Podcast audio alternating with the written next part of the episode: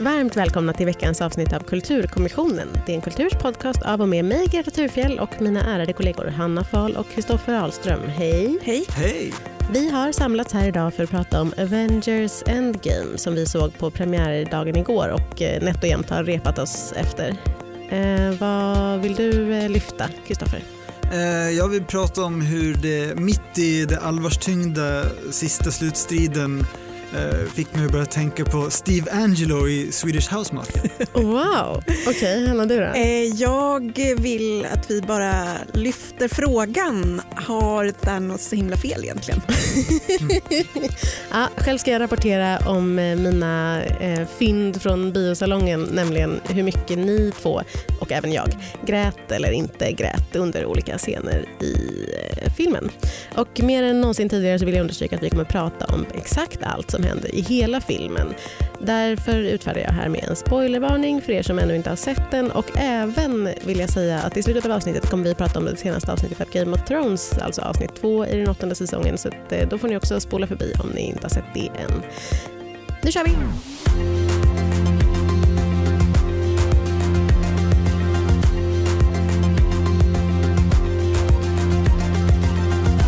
Hälften av universums befolkning har försvunnit efter ett fingerknäpp från den bleklila superskurken Thanos och jorden är en bedrövlig plats. Avengers, de som finns kvar, måste ta tillbaka evighetsstenarna från honom och återställa balansen. För att göra det ger de sig ut på en tidsresa till 70-talet, till Avengers egna tidigare äventyr och till universums utkanter. Men för att citera Tony Stark, om man bråkar med tiden så bråkar den tillbaka.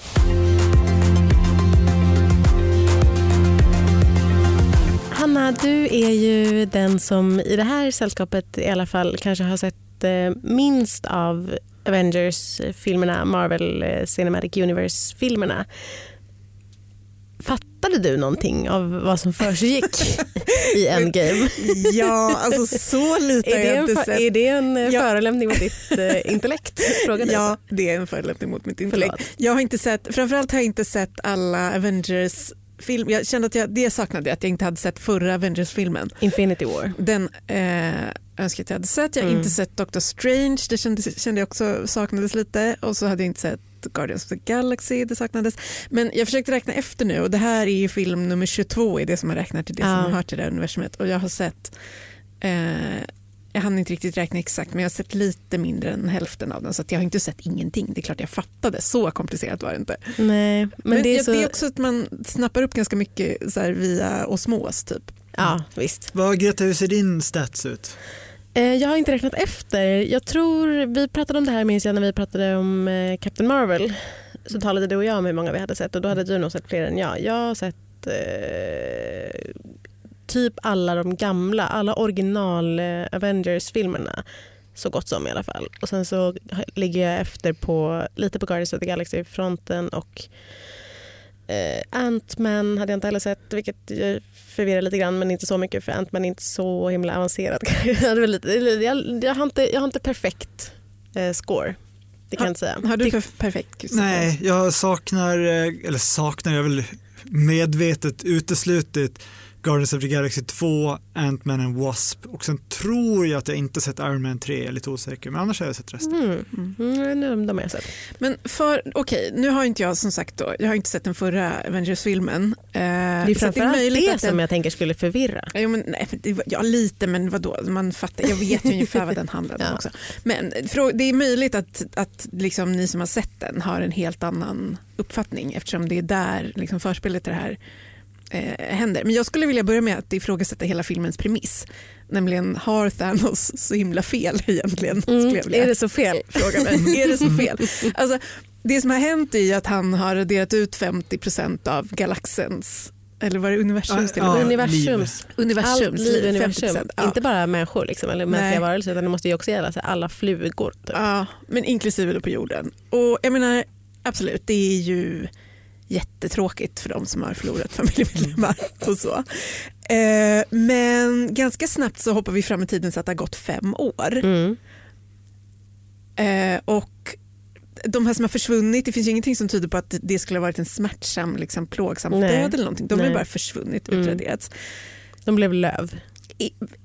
jag vill bara fråga mig om det verkligen är så nödvändigt att ställa till med alla dessa tidsresor och allting för att få tillbaka de här människorna från en planet som är överbefolkad. Tänk hur många som bara på de här fem åren har sluppit dö i svält mm. till exempel. Mm. Och tänk på den liksom, hypotetiska framtid där vi kanske på ett ganska enkelt sätt skulle kunna avvärja klimathotet och alla de dödsfallen som väntar. Bostadsbristen, tänk på bostadsbristen. Bostadsbristen i Stockholm. Mm. Vi hade alla kunnat få varsin lägenhet på Södermalm. Mm. eh, ja, men jag, Ja, absolut, jag, jag kör, absolut Hanna, jag håller helt med dig. Och jag, och jag liksom, det här kände jag redan i Infinity War att det var så här, uh, ja men okej, okay, lite, vad, så, vad, är, vad är problemen?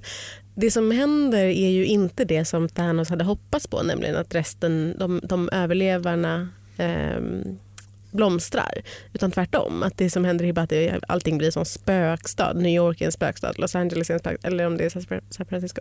Eh, att det bara liksom, allt går helvete och då måste alla ha såna eh, AA-grupper. Men det de visar för att visa det här, de här liksom, den här... Soporna ligger i högar ja, det, och det är De scenerna man får se i de här, alla de här deprimerade människorna som saknar sina nära och kära och måste mm. gå i gruppterapi.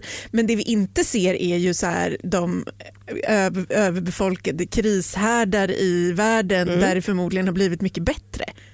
Ja, men frågan är om det har blivit det. Då, för jag, jag tolkar det som att, att vi får se den så eh, västerländska, hur det står till i, i västlandet.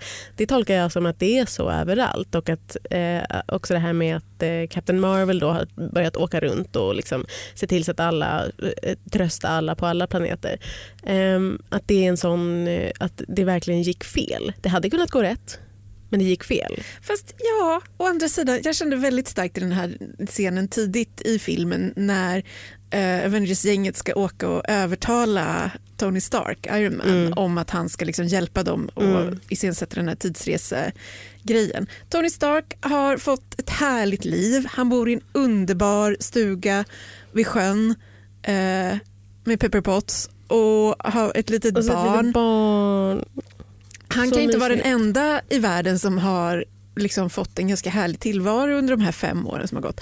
Jag kände väldigt starkt att jag inte riktigt var med på tåget. Men är det här så nödvändigt? Jag, jag tycker precis det var väldigt drastiskt att liksom hela civilisationen skulle kollapsa för att eh, hälften av alla människor försvann. Jag menar, det, det vi ser är ju så här verkligen ja, som hur det ser ut i Tjernobyl idag. Det är så här liksom hus som har förfallit ett övervuxet med liksom, ja, otämjd fauna och så. Men det här är ändå någonting som, som faktiskt folk pratar om idag för som du säger stävja klimatkrisen. Att så här, vi behöver vi behöver liksom upplösa systemet som vi har idag för det funkar inte att leva liksom med den eviga jakten på tillväxt och så vidare. Så händer det oss här och de nämnde även saker som verkar supermysigt. Det säger, ja, plötsligt finns det valar i Hudsonfloden för den har blivit mycket renare. Jag vet. Det, ja, det, det, det är verkligen eh, Captain Americas eh, roll då, mm. liksom ta på sig och peppa upp igen. Och så här, fram... Det här landet ska inte behöva gå till spillo bara för att...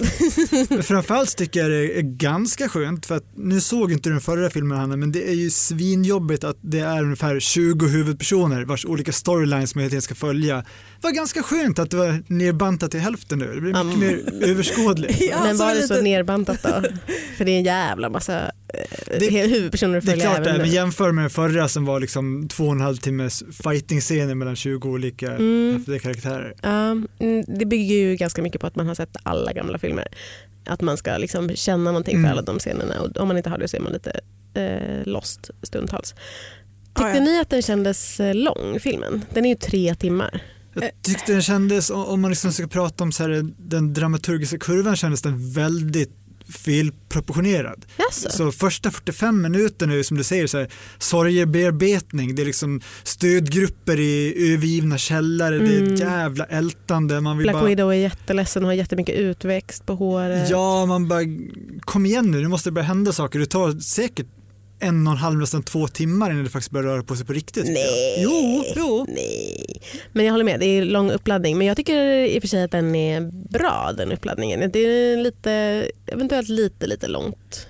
Lite långt, tre timmar. Men, ja, för men... att vara tre timmar tycker jag att den var väldigt bra pacad. Mm. Det var inte som att man eh, liksom kröp i skinnet på en. Nej, det gjorde kröp i sig lite mitt skinn eftersom jag var stressad över att hinna hämta på förskolan. Men det, ja, det gjorde faktiskt. det är en annan sak. Ja. Men, eh, men eh, annars så tyckte jag, jag tyckte nog att den där lite långa inledningen behövdes ändå. Om man nu skulle, som jag var tvungen att komma över först, min instinktskänsla av att Thanos hade rätt. Ja, och vänja sig vid tanken på att man skulle så se en extremt lång film eh, där de skulle liksom, tidsresa för att avhjälpa det här. Eh, så behövde jag den startsträckan och jag tyckte att den var ganska mysig också. Man fick lite mm, så här, jag vet inte, man fick lite vardagskänsla. Ja, för en del jo, men verkligen. Ja, men det, var, det var så jäm, otroligt jämntjockt. Det var alla mådde dåligt, de skulle skildra alla sorg och det blir liksom att Det är ju kände- för att vi ska inte tänka att det kanske var lika bra att Nej Thanos jag gjorde vet det men där. det är också man känner sig ganska överhopad och att alla är ganska så här apatiska och lamslagna och det, jag tyckte att det, det funkar inte riktigt för starten av filmen, det behövde lite mer svung. Nej, jag håller inte med. Jag tycker att den var jättebra första scen med, med uh, Hawkeye. Ja, den när var jättefin, Hawkeyes absolut. eh, familj plötsligt försvinner. För dem har man ju, men så himla bra känner man inte Hakai och Hakais familj sedan tidigare. Liksom. Men apropå just detta med eh, att Hakai förekommer. Han, liksom, han eh, börjar filmen och sen så liksom håller han i den ganska mycket. Han har en väldigt stor roll i den här filmen. Hur tyckte ni att de hade delat upp liksom, eh, plotten på olika karaktärer? För det var ju som att alla skulle få sin time to shine eftersom det var sista gången. Då.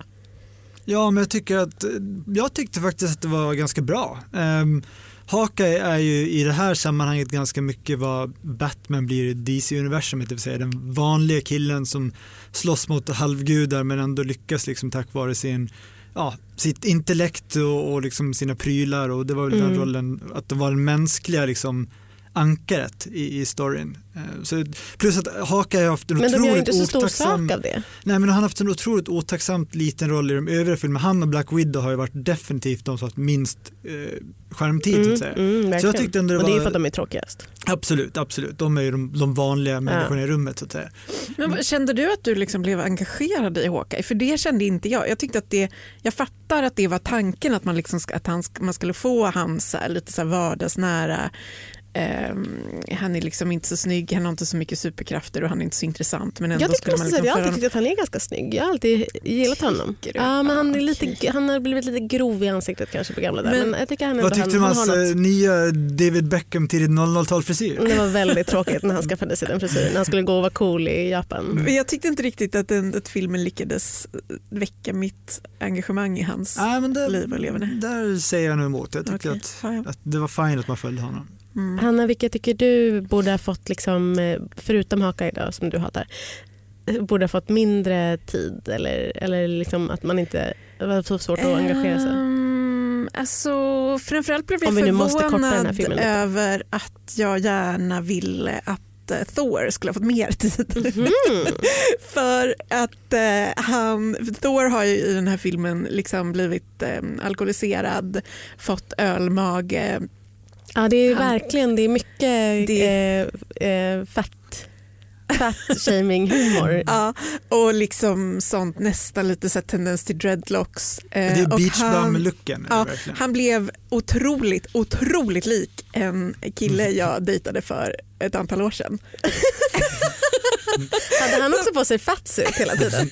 Det var det, sam- exakt samma kroppsform, Ja. eh, samma liksom, lite så här, halv tendens till dreads. Eh, samma Han har helt enkelt lite, otvättat hår. Det är väl- jag tror att det här var innan vi lärde känna varandra Greta. Ja, jag Men Kristoffer, du kommer ihåg den här? Jag hade- minns jag hade- surfarfilosofen. absolut. Surfarfilosofen var Mm. kodnamnet på den här killen. Vi var inte ihop ska sägas. men Har du träffat hade honom. Kristoffer? Nej, aldrig Nej, sett nej. människan. Ingen har träffat honom.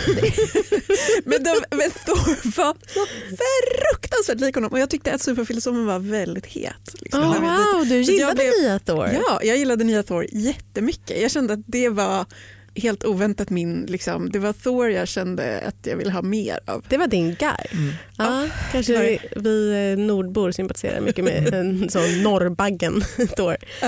Ehm, jag måste säga att jag tycker att det här, det, och det har lite att göra med att jag är inte särskilt intresserad av Guardians of the Galaxy. Det var väldigt mycket fokus på Gamora och eh, vad heter hon den blåa syster, Gamoras syster. Ja, jag, kommer inte jag håller med. Jag, men jag, det jag tänkte att det var för att jag inte har sett Guardians of the Galaxy Nej, och bara det- inte har någon Nebula. det. Nebula. absolut. Och det, Det är väldigt mycket Thanos- Nebula. Och, Thanos och man, fatt, precis, man förstår ju ja. det att det är för att det är Thanos döttrar och de liksom, det ska, eftersom den handlar mycket om familj i den här filmen Ja. så är det liksom en, en viktig poäng så, att få hem.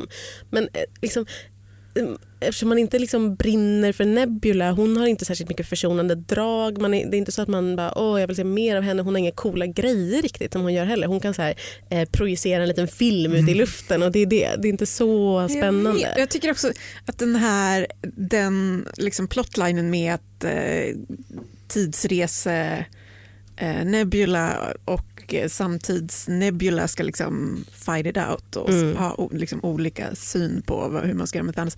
Den, den kändes liksom lite klyschig nästan. Man kände att man fattade med en gång vad den var på väg och bara jaha, ja, så ska den spela ut. Så gjorde den det och så bara okej, ja, ja. Äh, Och de skulle byta plats och det skulle vara lite förväxlingar. Men det, Ja. jag vet inte, det var liksom inget Jag tycker gillar den var lite slö, lite Det slapp. gillar jag för sig med dubbletter.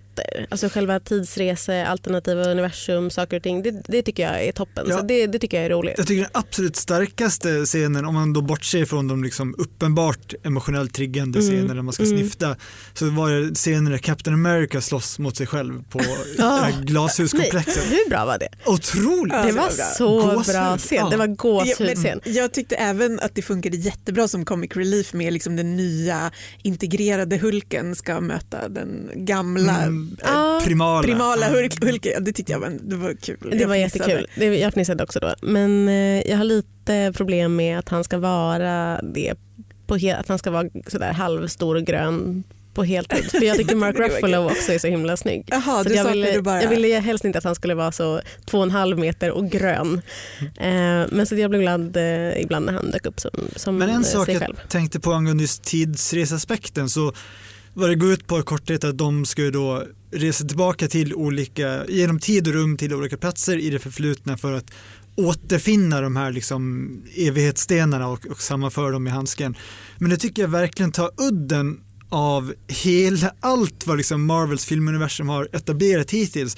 De har ägnat 20 filmer åt hur jävla svårt det är att hitta de här stenarna, att liksom, ja, komma över dem och så löser det ägnas liksom 20 fullängdsspelfilmer åt det här och så löser de det på under en timme i den här filmen. Det Mm. krävdes bara att Tony Stark tänkte lite extra. Ja. Precis, tänkte lite extra, kom på det här med Möbiusbandet. så att man bara, ah, det var Ja, bara det. jo, och det var det så helt, man bara, vad hade ens det här Möbiusbandet att göra med Men, jo, jag håller med om det Kristoffer. Att det, ja, absolut. Samtidigt så var ju det här, vi ska åka tillbaka i tiden till lite olika utvalda tidpunkter i historien, det är genidrag för Ja. just den här filmen. Alltså på en så här känslomässig plan. sig. Det Ja. var så bra. Det var så mysigt. Det var så mysigt när de åkte tillbaka till tiden till sånt som vi redan hade sett och det var så mysigt när de åkte tillbaka, alltså som i, i gamla, när de Avengers åker 1, tillbaka till så, Avengers ja. 1.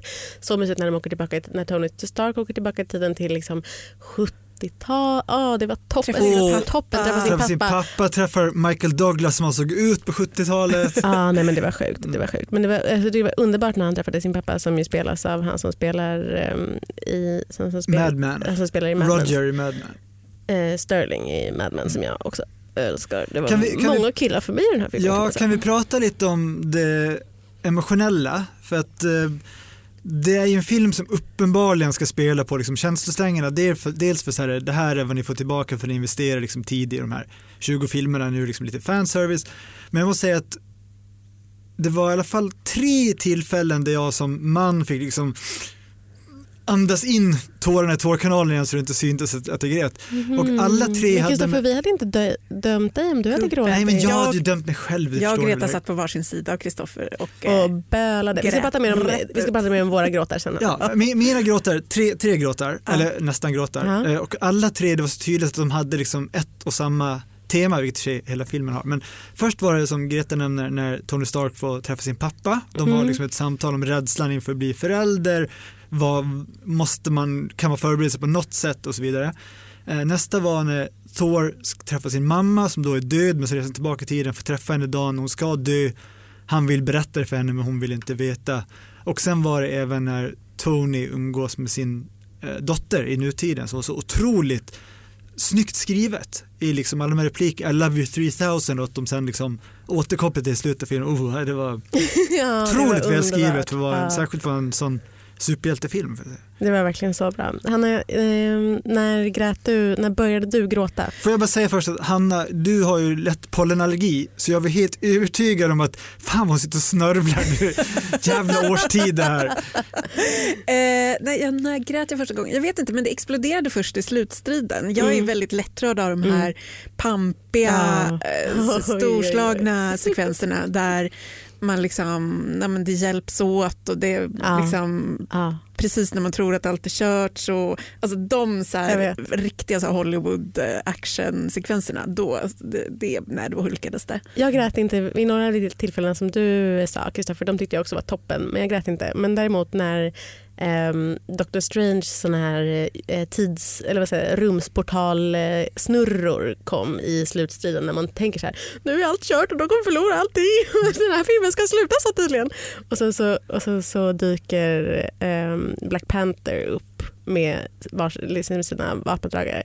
Eh, då började jag gråta och sen slutade jag inte gråta förrän filmen var slut. Alltså det, det satt och strilade ner så här för kinderna hela resten av filmen tills eftertexterna började rulla. Ehm, så det var en, en upplevelse. Det var också ganska skönt. Alltså det var skönt. Det var så var katarsis Ja, var att få liksom bara, Åh, nu är det slut, nu är det slut. Fast det var inte riktigt slut då, men, men ändå. Apropå eh, Black Panther så skulle jag eh, vilja att vi pratade lite grann om nya woka Avengers. Ehm, det är ju nämligen så att den här filmen också gör en ganska stor poäng av att så här, nu är det slut för det här vita gänget och här kommer en ny generation eh, Avengers på, något sätt. För det som de har sagt från början är ju att det är, ehm, det är ju, ingen har ju någonsin sagt så här, nu är det slut. Men, men den här filmen är ju, markerar ju liksom ändå slutet för en, en epok i Avengers-universumet eller vad man ska säga i det här Ja. nu har vi gjort de här 22 filmerna eller vad det är och nu, nu får det vara nog. Ehm, det, fanns ju, och det fanns ju ganska många liksom, tecken på ändå att så här, här, är, här är den nya generationen Avengers eller den nya generationen i Marvel, eh, eh, våra Marvel-produktioner. Till exempel då i slutstriden där vi, som vi precis pratade om, den scenen där så här, eh, vilka är det? Det är Tony Stark, Captain Amer- eh, Iron Man, Captain America och Thor som inte lyckas eh, besegra Thanos själva. Och så är det väldigt tydligt att Thanos liksom slår sönder eh, Captain Americas sköld. Alltså det är väldigt mycket sånt som är så eh, tydligt, tydligt bildspråk. Ja. Och sen så eh, dyker hela, he, sa, samtliga Wakanda eh, upp och eh, jättemycket samurajer och eh, jättemånga kvinnor dyker upp.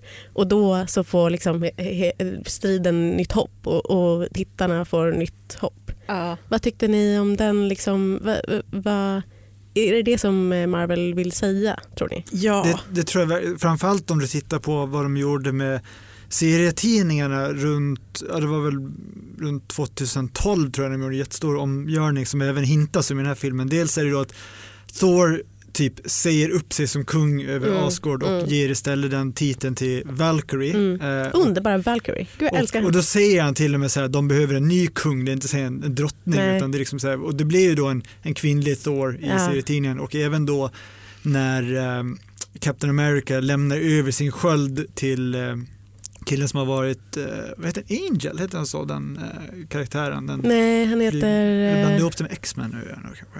Eh, jag ska ta reda på vad han heter medan du Ja, fortsätter prata. precis, men lämnar över skölden till den svarta killen, vilket också blir serietidningen att det blir en Sam, svart. ja. Sam, Precis, ja, som är Captain Americas kompis. Och de, det är rätt länge sedan de, Captain, som jag såg de Captain America-filmerna. Jag hade liksom glömt bort hela det gänget. Sam Mm. och Bucky och allt vad de heter. Att jag bara, vem fan är Bucky? Det Alltså, är på Winter Soldier. Ja, men jag vet, Mm. jag vet, jag vet. Det var bara jättelänge sedan jag såg dem. Jo men absolut och det känns ju också som en så här, eh, liten par, eller så här, spegling av hur hela eh, superhjälte Hollywood, amerikanska filmvärlden har utvecklats de senaste åren. Alla bara wow, Mm. det går att göra filmer med Mm. kvinnor i huvudrollerna och folk går faktiskt på bio. Precis. Vilket motbevisar då den här gamla sanningen om att det aldrig inte funkar. Ehm, så att, alltså, å ena sidan så tyckte jag väl att det var lite övertydligt Mm, gjort. mm. Å andra sidan vem fan är jag att klaga för att som sagt jag satt ju och bölade åt alla de här scenerna.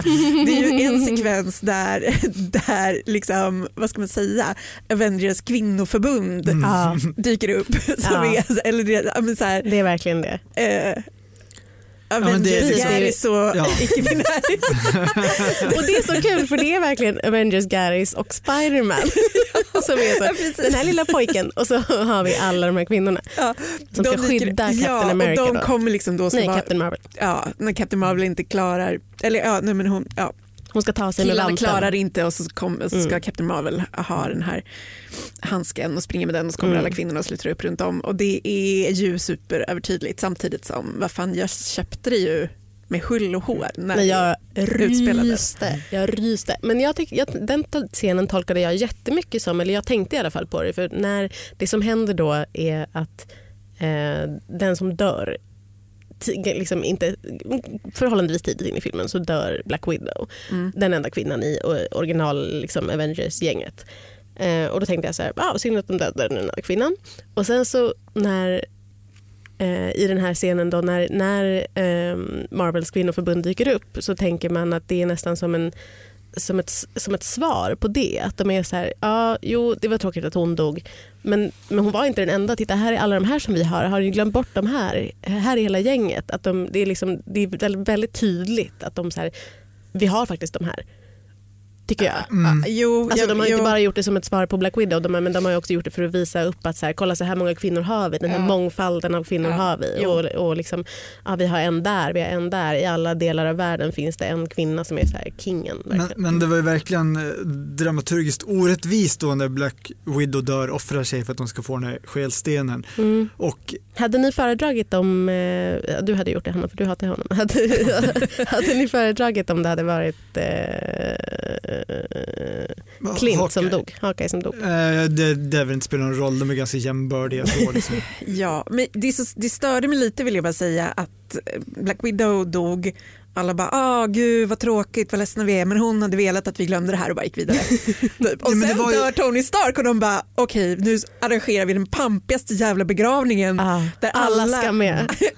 alla var där begravningen där alla bara gråter och gråter. Bara, men Black Widow då? Ni bara, ni bara ah, nej. ah, Men det var ju det jag menade med dramaturgiskt orättvist, att hon dör ju precis när de ska slutföra sin plan och liksom sätta Ja. fast de här eh, stenarna på handsken. Men absolut, det blir verkligen så här att efteråt då, som Tony Stark dör på slutet så är det självklart att då allting lugnar ner sig, då kan man ta sig tiden med den här jätteceremonin. Men det blir också att man bara, de har glömt bort henne. Ja. Alla bara sörjer honom. De har ju inte glömt bort henne för precis efter begravningen så står ju um, Hawkeye och den rödhåriga Wanda, eh, heter hon va? Maximoff, Ja, de står och pratar Ja, med henne och säger ja, Men det är ju ja, som en eftertanke, bara Ja. just det, hon dog ju också. Ja. Men det är också det, det är så Men verkligt för att Tony de Stark ju- måste jag bara få säga är en jättemycket viktigare karaktär än vad Black Widow är Alltså, jag håller med om att det är tråkigt för att jag gillar henne också. Men, men men jag kände lite han var den som startade alltihop. Med- första kan Iron Man, vara- Han startade den i första Iron Man-filmen. Det var han som var med i den. Han har varit med så länge och väl. Men det fanns också något taskigt i att de försöker etablera hur det finns liksom någon så här smygerotisk stämning mellan Hawkeye och Black Widow och de så här, ja, uttalar sin kärlek uppenbarligen till varandra. Samtidigt som man har etablerat från första filmrutan i den här rullen hur mycket han saknar sin fru. Det handlar liksom om att de ska resa tillbaka och återställa hur det var innan han ska få tillbaka henne. Men jag Hon tyck- framstår bara som en jobbig homewrecker som måste dö. Nej, Tyckte nej. du att Ja. det var en erotisk stämning? Det var en smygerotisk stämning man jag- kunde ta på Jag stämningen. tror Nej. att man kanske tolkar det som en smygerotisk stämning därför att det är Scarlett Johansson. Men de har ju alltid bara varit så här jättebra kompisar. Typ som Black Widow eh, har varit med de andra karaktärerna också. Sen har hon liksom en speciell relation till honom. Men jag har alltid tänkt att de är så här extremt, extremt goda vänner. Och de är också jag de två, med. de är liksom också de två vanlisarna i gänget. Så de är så, har ett särskilt band därför också. Det finns massa anledningar till det.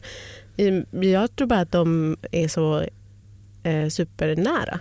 Nej, jag tror att de straffades som försökte bryta upp familjen. Det var, det var filmens kodex. Okej, jag förstår. Jag förstår. Um, precis, Kristoffer, du sa ju också eh, det här om när Sam då blir nya eh, Captain America. Och det händer i slutet efter en ganska, eh, inte för att vara Gretas dumma fråga, men jag måste ändå ställa den här frågan. När Captain America då ska resa tillbaka i tiden för att placera tillbaka alla eh, evighetsstenarna Ja. hur, eh, vad fan är det som händer där? För då ska han resa tillbaka i tiden genom en lite nybyggd hemgjord tidsmaskin. Ja. Och sen så eh, lyckas de inte få tillbaka, sen lyckas inte Hulken få tillbaka honom. Sen sitter han plötsligt gammal och grå på men en bänk. Han, ja, men, Kan jo, inte ni bara förklara hur det funkar rent? eh, Captain America åkte, gjorde sitt uppdrag, åkte tillbaka i tiden och lämnade tillbaka alla grejerna. ja. Sen bestämde han ju sig för att bara stanna kvar och leva Med sitt liv Becky, tillsammans ja. med Becky. ja, Så men att när han dyker upp igen sen och är gammal, det, då har han liksom levt, han har liksom levt hela sitt liv. han har levt hela sitt liv och sen har han gått dit och satt sig på ja, bänken. precis. Exakt så. Ah, okay. men, men hur kunde han göra det? För Ja, det som hände Exakt. För det var ju liksom det som var själva poängen, att Hulken skulle hämta tillbaka honom. Nej, men framförallt vad, om Han han, kan väl nu, inte bestämma själv? om han reste tillbaka den tiden och sen bara levde ett separat liv som gammal, vad hände då med allt som Captain America har gjort i vår nutid i alla de filmerna? Hände det inte då helt plötsligt? Eller, Eller hände det hände det parallellt? innan? Eller eh, har han hämt, eller liksom sett till att han åkt tillbaka till tiden, väntat till... Nej, jag fattar inte. Nej, men, Vadå, men menar, att det, menar ni att det skulle liksom störa den tidslinjen som... Ja, ja, eller man får bara förutsätta att det fanns två Captain America samtidigt och att den här Ja. Steve Rogers inte brydde sig eller la sig i utan han levde gött förortsliv med Becky. Ja. Be- men Medan den vanliga den Captain allra America, ja. sista scenen då är ju den när Steve Rogers och hans eh, älskare, älskade eh, dansar. Mm. Är det en tillbakablick då? Ja. Kolla vad nice han hade det. Det var det, var det han gjorde, han dansade Han i 50 dansade och år. blundade. Ah, okej, väldigt mysigt. i och för sig. Eh, det tycker jag var toppen. Men Också då, otroligt, så här, om man inte har förstått att filmen handlar om eh, familj och kärnfamilj så bara låt oss gå tillbaka till så här, eh, nå Norman Rockwellskt 50-tal i förortsidyllen när de så dansar till lite jazz. att det är så Mad Men, fast glada. Ja, Eh, ja, nej, men eh, den liksom, tr- tror ni att det, kommer, att det kommer vara så nu att Sam är nya Captain America? Heter han Sam? Ja. ja, Ja, det var väl tydligt. Nej, men jag menar, kommer det komma nya filmer där Det han tror är jag. det? Ja. det tror jag. Med den framgången som innebar för Black Panther tror jag att de har bara liksom Mm. väntat in tillfälle. Mm, mm, mm. Ja, det eh, tycker jag var en bra scen där när han, han får eh, Captain Americas sköld och sen så, eller säger man sköld? Vad är, vad är det? Ja, det är en Ja. Ehm, och så säger han, så frågar gamla Captain America hur känns det? Och så säger han it feels like it belongs to someone else. Och Captain America säger it doesn't. Att det är sån, alltså, en lagom, liksom, Mm. lagom eh, underton i detta. Innan eh, vi eh, går vidare så skulle jag också bara vilja på detta woke-tema tala om Captain Marvels nya frisyr. För det som händer då eh, är att eh, i början av filmen så hoppar man fem år fram i tiden från att det här har hänt och att alla, hälften av alla människor har blivit utraderade och sen så får man se henne liksom, eh, som hologram eller vad man ska säga. Man får se henne på, på eh, vad heter det? Facetime. Och då har hon eh, kli- klippt en så superbutchig frisyr. Eh, som var liksom en så hög, hög lite bakåtkammad eh, grej. Är det så här utomjordsmode eh, tror ni? Att hon har så varit, varit runt och rest så mycket och så har hon varit så här, "Ah, nu ska jag testa den här stilen. Men var det inte bara, även eh, Black Widow hade ju konstig färgad extension frisyr. Nej men hon har ju liksom, hon har inte weaves. Det är Men- ju, men för henne, på henne ska ju håret signalera att håret har växt ut eftersom hon har varit så deprimerad. Hon har det liksom inte bara, blekt blondin och sen så har hennes inte bara vanliga hår tid färg- har gått. Jo, måste jättemycket tid har ja. gått. Och, Men Captain Marvels nya eh, butchiga frisyr passar i och för sig in i eh, Avengers Garris och icke-binaris tema. jag menar det. Ja. Jag menar det. Så antingen så är det att det är, en, eh, att det är mode någonstans i universum. Eh, eller så är det precis att hon bara ska, att hon så här, ja jag behöver inte plisa någon, jag kan ha den här fula eh, Cersei fast eh, fönad frisyren. Jag tycker inte att eh, det är så fin frisyr, det var allt jag ville säga Ja, jag med det. snygg. Jag tycker mer om Captain Marvels gamla frisyr. Jag tycker Captain Marvel borde varit med mer i eh, filmen. En sak till Kristoffer. Mm. Du och jag var Var de enda de enda i en fullsatt stora salongen på Sergel, som skrattade åt att Pepper Potts, Tony Starks fru, Gwyneth Paltrow. Gwyneth Paltrow, eh, vid ett tillfälle satt och läste en bok om kompost. Jag är säker på att även du Hanna förstod the nuance i detta eh, extremt roliga skämt eftersom eh, det var så här himla himla tydligt att det typ var någonting som Gwyneth Paltrow hade tagit med sig till set. Och var så här, kan det inte vara så att jag sitter och läser den här boken som går att köpa på Goop?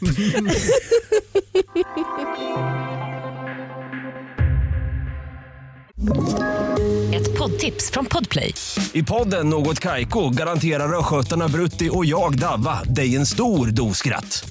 Där följer jag pladask för köttätandet igen. Man är lite som en jävla vampyr. Man har fått lite blodsmak och då måste man ha mer. Udda spaningar, fängslande anekdoter och en och annan arg rant. Jag måste ha mitt kaffe på morgonen för annars är jag ingen trevlig människa. Då är du ingen trevlig människa, punkt. Något Kaiko, hör du på Podplay. Därför är gardinerna.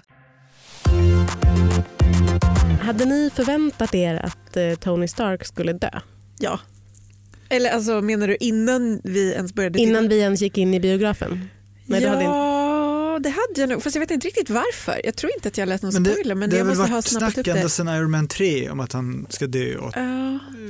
Och, och liksom det har varit på gång i flera filmer. Även Captain America Civil War så hintas ju om det. Liksom att Iron Man och Captain America slåss till döden och så. så att, Och, och så, så fort filmen drog igång så blev det ju helt uppenbart. Så Mm. fort man såg honom vara lycklig i den där stugan man bara okej. Men framförallt tyckte jag innan han ens var lycklig i stugan, i de allra första scenerna så är ju, Captain, eller så är ju Iron Man ombord på ett eh, skepp som flyter runt i rymden.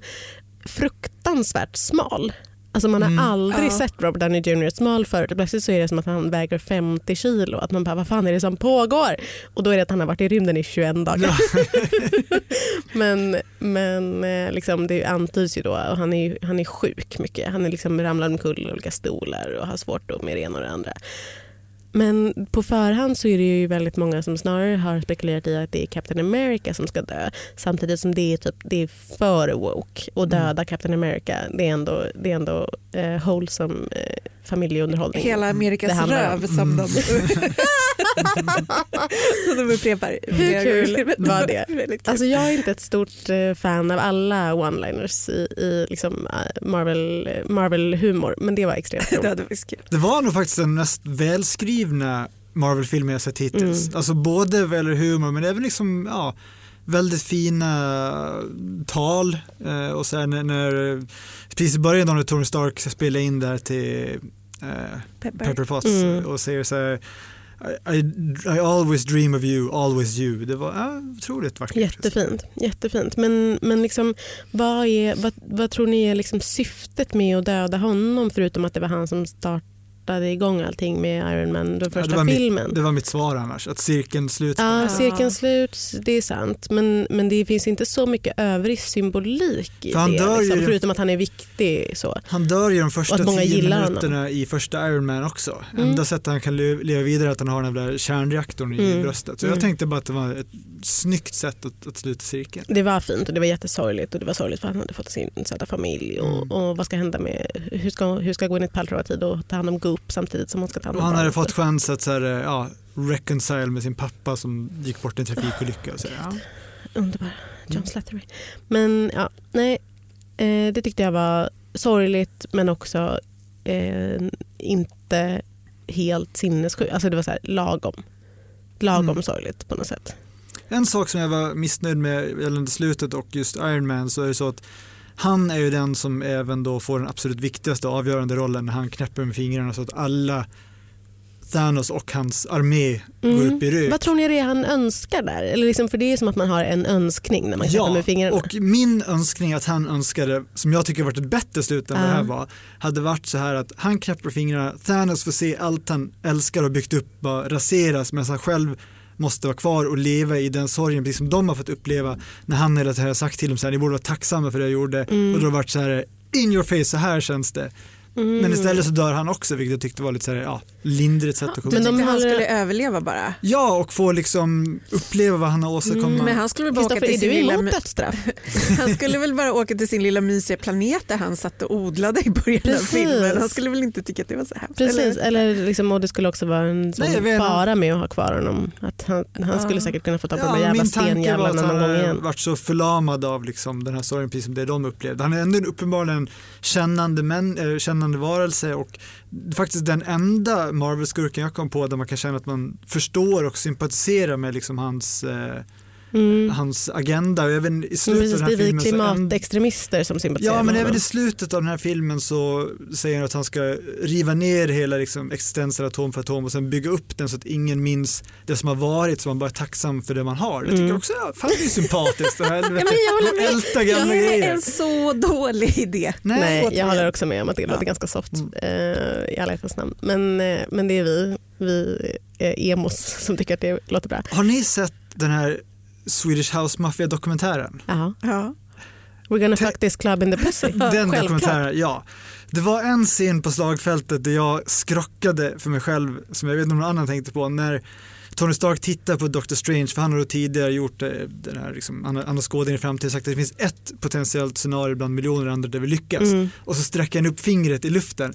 Har ni sett scenen i Swedish House Mafia när de skriver one och Steve Angelo bara fingret i luften, där satt det. det ja. Eh, jag tänkte inte på det då, nu när du säger det. Ja. Absolut, absolut, absolut. absolut, absolut. Otroligt kul. Mm. Ehm, Kristoffer, varför tycker du att man bara hade kunnat slippa, skippa Ja. slutstriden? Är du Precis, helt nej, precis som du tossig? precis som du sa Greta så är det otroligt mäktigt när först står Captain America ensam och Thanos alla liksom, skvadroner och mer bara tornar upp sig, liksom, bara Oj, det är himlen förmörkas av rymdskepp och utomjordingar etc. Det är också coolt att Thanos har gjort så att alla är lite lila. Alla har så en lila scarf för att liksom signalera att vi är de onda. Och sen öppnas alla de här portalerna och alla hjältar kommer utströmmande och så står de liksom uppställda mitt emot varandra, slutstriden ska börja. Man, de filmar i profil när de börjar springa. På 80-talet när jag växte upp så med de Marvel-tidningar som fanns Spindelmannen så följde med sig samlarbilder som man ska få lära sig vilka alla i Mm. Marvel-universum var. Och De avbildades precis så att de rusade och så var det profil och så var det så nummer på dem man skulle lära sig. Jag tänkte bara, Wow. fan vad häftigt det vore om det bara, nu klipper vi, nu bryter vi filmen precis här. Så man får, behöver inte genomlida en halvtimme av liksom hyfsade CGI-effekter. folk- Lida? Är du tokig? Ja, nej, ja, det skulle varit mycket mer emotionellt drabbande om man bara hade klippt där. Sluta. Mycket modigare. Ja, Sluta. Du, jag alltså, trodde faktiskt ett tag att nu gör de det. nu dörren är de. där. Ja. Dörren är där Kristoffer. Så det- ja, det det var bara... Nej, jag Otroligt tyckte tvärtom att just för att det här var en sån så här, nu ska vi avsluta det här eh, 22 filmer långa Mm. bla bla bla. Mm. Att det var skönt att de gjorde det. Det var ju nästan en så här som slutet av Sagan om ringen eh, Ja, det var slut. verkligen. När det Ja, liksom, men det, det man liksom Så underbart det var på ett slagfält. Alltså det var också det var slagfält, det var men så också liksom... att det fortsatte efter det. Man fick bara Mm. känslomässig tillfredsställelse efter känslomässig tillfredsställelse. Det var begravning och det var Captain America som skulle få bli lycklig. Ja, men det var så och Iron Man mycket... kramar Spindelmannen och säger det här var skönt för att det är män som är moderna och kan visa känslor. men sluta, Ja. det var så mysigt. Oh, det var så gulligt. Men det, stri- för jag vill bara säga något om striden. Mm. Och som sagt, nu kanske ni tycker att jag är dum i huvudet som inte, för att jag inte har sett alla filmer och sådär. Och jag har till exempel inte sett Ant-Man och heller inte Captain Marvel. Men ett, Captain Marvel verkar ju vara så jävla stark att Mm. jag tror att ni pratade om det här i podden. Att liksom, men vad fan, Jag vet, var är stakesen? Liksom? Mm. ja! Och det tycker, tycker jag är störigt. Och även Ant-Man, han känns så otroligt outnyttjad. Varför, avgörs, varför besegras inte varje ond person med, genom att Ant-Man gör sig jätteliten, springer fram, blir jättestor och typ bara så Det är här, ju med i, krossar jag tror det är Civil War, tumme. när de första gången drabbar samman alla, alla superhjältar eh, på den här flygplatsen i Hamburg, eller ja, Tyskland i alla fall. Som han liksom gör det och eh, han är inte särskilt bra på att slåss, han är liksom bara ganska stor och klumpig. Men och om man är behöver så inte vara bra på stor behöver han ju bara typ trampa på någon. Alltså jag tänkte eller också liksom- verkligen på det, så fort han dök upp och var sådär stor, för då hade man ju liksom glömt bort att han kunde bli sådär stor. Så att man bara, men gud varför går han inte bara fram och håller fast den? Alltså, han är ju skitmycket större. Så ologiskt, så mycket så en, en tjejgrej att säga så här, varför gör han inte bara så här? Men, men det är sant att det är konstigt. Eh, man bara, eh, för plotten. Men eh, en annan sak med det är ju också att det har ju varit jättemycket sådana spekulationer Ehm, innan på förhand så har det varit en sån rolig meme som är att Ant-Man då ska ehm, göra sig pytteliten och sen eh, krypa in i en kroppsöppning och sen göra sig jättestor där i och liksom spränga Thanos inifrån. Ja, Eh, teams, det är till, memes, det har till och med varit eh, forskare som har förklarat hur det skulle kunna gå till. ja, precis. precis. Och så har det varit massa motbevisande då att, Thanos alltså hans, att hans eh, tarmar är så starka att han, inte, att han skulle bli krossad där inne. Eh, så det har varit mycket sånt slutsnack som ju också är så här, det man ju glad att det inte blev så för det, var ju en, det här var ju då en riktig film, en pampig film. Um, men men jag, liksom, jag håller med om att det är konstigt det där med, med um, Ant-Man att de inte använder honom mer. Han skulle bara gå, gått fram och stampat på honom. Ja. Hållit fast honom om inte annat. Om han nu var helt okrossbar under foten kunde han ju bara legat där. Men um, med Captain Marvel så är det ju mer på något sätt att det, hon, hon är jätte, jättestark Eh, hon är onaturligt stark men hon är också typ ganska ofta hindrad av någonting. Alltså det är också så att hon typ är någon annanstans. Alltså, Ja, dels jag det där vet, att de håller henne otroligt borta. livspussel hela tiden. Verkligen. Jättejobbigt. De håller henne borta under stor del av filmen. Liksom och sådär. Ja. Men, men, nej, men jag, jag håller med om att det är lite konstigt. Däremot så tycker jag att det är roligt att hon i, i en av slutscenerna i Captain Marvel så flyger ju hon igenom ett helt skepp och krossar det på det sättet. Det var ju roligt att hon fick göra en repris på det i, i det här nu. Så att det första hon gör när hon kommer är ju bara eh, mosa eh, hela Thanos stor skepp eh, inifrån. Kommer ni att sörja att det är slut? Att det är över? Eller slut och slut, men ni vet. Eh, Jag tror främst kommer kanske Marvel och sörja den här otroliga kassakossan. Men eh, nej, alltså det är svårt att, just vad gäller crossover-potential så är det svårt att toppa det här. Det här har verkligen varit liksom någonting folk har sett fram emot nästan tio år. Mm. Vi pratade under Captain Marvel-podden, vi pratade om den här filmen, så pratade vi om Secret Wars som var en följetong på 80-talet. Man skulle kunna just göra. För de som inte var med nu, som är klassiska Marvel-skapelser, är ju Fantastiska Fyran och X-Men. Mm. Som Fox fortfarande har liksom rättigheterna till. Så det skulle vi kanske kunna komma i framtiden, men annars är det svårt tror jag. Liksom att tappa utan det blir snarare kanske de här filmerna vi har varit inne på nu, liksom den svarta Captain America, den kvinnliga Thor och så vidare.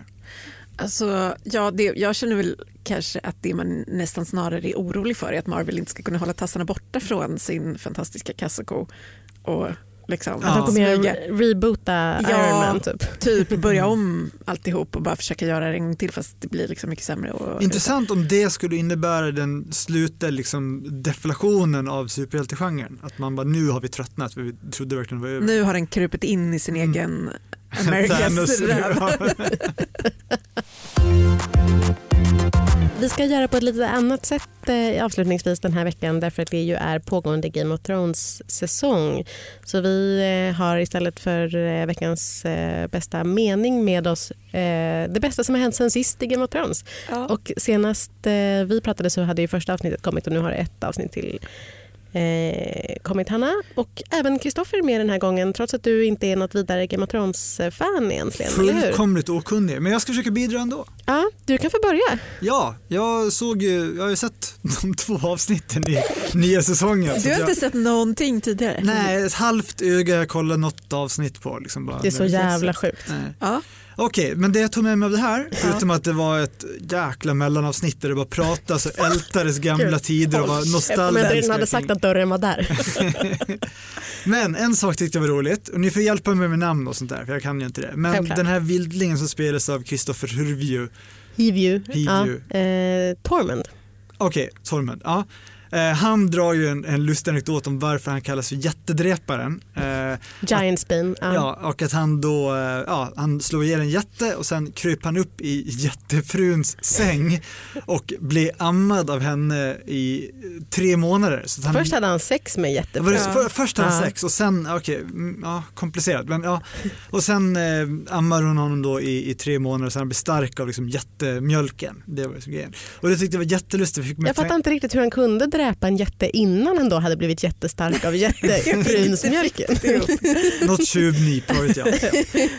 Men det fick mig att tänka, den bilden av, av en, liksom en man som blir ammad av en gigantisk kvinna fick mig att tänka på liksom Robert Crumps, de här konstiga kvinnofetischistiska serieteckningarna på 60-70-talet där det alltid är någon liten spädman som ser ut exakt som Robert Crumb själv som typ rider ovanpå en jättekvinna med så här stor barm och breda höfter, riktigt så här amazon, reslig. Och Mm. det är någon konstig sexuell grej som förekommer. Jag tänkte det väl kanske lite samma sak här. Den liksom fullständigt oproportionerligt enorma kvinnan som man liksom är som en liten vante för. Och sen är det också det här med då norrmännens konstiga fetisch för, för att amma vuxna kvinnor som även förekommer i Geir Gulliksens eh, senaste roman. Ja, se på oss nu. Det finns en otroligt stark, stark, flera starka amningsscener även i den eh, filmen, i boken. Det är mycket som är Ja. Men motbevisa mig gärna när jag säger att det här var ett eh, mellanavsnitt. Eh, Du är sjuk i huvudet, Kristoffer, som kan tycka att detta otroliga avsnitt var ett mellanavsnitt. Det var så jävla bra. Det var, liksom, det var inte det bästa Game of Thrones-avsnittet men det var verkligen ett klass, riktigt klassiskt bra Game of Thrones-avsnitt för att det bara var snack. Ja. Det var mycket Ja, snack och mycket verkstad. Ja, det var ett sånt eh, spänt liksom, uppladdningsavsnitt inför vad man fattar kommer att vara den stora blodiga striden i nästa avsnitt. Eh, min, det som jag har valt från det här, det är Eh, det är inte lika, lika roligt ögonblick som Kristoffers eh, jätteamningsögonblick men det är när Jamie dubbar Brienne till riddare. Eh, det är ju liksom, de sitter och väntar på natten in, innan eh, The White Walkers ska komma och slaget ska börja Mm. och så eh, de dricker och det dras grönor och Tormund berättar den där anekdoten och, ehm, och så lite på fyllan fast det blir sen på allvar så får Brienne till slut bli riddare. Och hon ser glad ut för första gången i hela tv-serien. Det är verkligen första gången som. Gwendolyn Christie någonsin har fått Ja. manusinstruktionen Att le. le. Ja. Eh, vilket ju också gör det oerhört tydligt att hon är en av de som kommer att ryka i nästa avsnitt. Och det var så många som man kände så här, det här var deras sista fina scen. Eh, och jag kan förstå Kristoffer om du inte har sett liksom, någonting av det här så är du ju naturligtvis inte investerad i några av rollfigurerna. Men är man det så var det ju liksom ett sånt så här, olycksbådande mörkt krypande avsnitt där man bara kände att det var förebådning på förebådning. Precis, precis. Det är ju också avsnittet där Daenerys eh, till slut får veta att Jon Snow är hennes, eh, men vad blir det? Brorson. brorson. Ehm, men det eh, kommer vi nog att återkomma till i framtida poddar. Eh, så det var, Ja. det var inte så viktigt. Jag tycker att det, som, det stora liksom, som man hade ja, sett fram emot, det kanske en överdrift, men, men åtminstone väntat sig skulle hända förr eller senare var att Arya och eh, Gendry hade sex. Det är en ganska eh, omdiskuterad scen på internet får man säga därför att den, ja av olika skäl. ehm, att hon är 12 år gammal. Lite mindre intressant skäl då att, eh, att Arya skulle vara väldigt eh, ung. Det är hon ju inte riktigt. Eh, Maisie Williams som spelar Arya var 20 när den scenen spelades in och är 22 nu och ska väl vara 18 i eh, tv-serien. De har ju liksom åldrat alla, alla eh, Stark-barnen rätt mycket till tv-serien så att hon är inte det i böckerna men, men i filmen så gjorde HBOs eh, Twitterkonto en eh, poäng av att Arya visst var 18 när, när detta skedde. inte för att det spelar så stor roll på så, eh, Westeros medeltiden hur gammal någon är när den har sex första gången men ändå. Ehm, jag tycker att den scenen var mer intressant för att det var så konstigt att se Arya i en sån helt vanlig situation. Jag menar, det är ju dels en sån sak som att eh, man är inte så van vid att se kvinnliga karaktärer i Game of Thrones kanske ha så en ganska trevlig sexuell upplevelse. Det är ganska mycket tråkigt sex för, eh, för, eh, För- kvinnorna och med tråkigt, och med tråkigt menar jag våldtäkt. Förra gången om det här så hade ju Cersei haft en, en god stund. Precis, Så- gud vad mysigt att det här är säsongen då eh, Kvinnorna alla får kvinnor njuta. får sin sexuella upprättelse. Ja. Eh, med reservation för att det är fyra avsnitt kvar. Men, eh, men jag tyckte också att det var kul därför att eh, hon ju är en sån eh, ruthless eh, mördarmaskin. Och att man är eh, lite skrämd av att hon... Det är kanske snarare det tycker jag som gör att det är konstigt att se henne så här. Eh, jag vill testa det här sex som jag har hört så mycket om. Eh, för att hon inte har liksom visat prov på några sådana intressen eller sån så här, nyfikenhet tidigare. Hon har ju i och för sig varit intresserad av Gendry ganska länge men, men jag tyckte ändå att det var... Alltså jag, jag, tyckte att, jag tyckte att det var nästan avsnittets sämsta scen. Jaså? Den ryckte mig ur, jag tycker inte alls att det var in character, precis som du säger, att det Mm. liksom inte stämmer. Och, alltså, jag tycker att det typ var att jämföra med ifall Bran hade haft en så oväntad sexscen helt plötsligt. Eh, Du, det är som sagt fyra avsnitt kvar. Vad som helst kan ska hända. Men jag menar för att Arya har varit på något sätt så, här, så upphöjd på något Mm, vis och mm. till någon sorts så här my- mysticistisk nivå som att hon har liksom hamnat på ett helt annat plan liksom, som inte är det här kötsliga. Jag Och vet, jag, tyckte att det, vet. Nej, jag, vet inte, jag, Jag håller med om att det, jag, jag, men jag tyckte nog om den just därför. Därför att det var så här, lite, lite weird. Och det var lite så här att man bara, "Jaha, okej. så här, eh."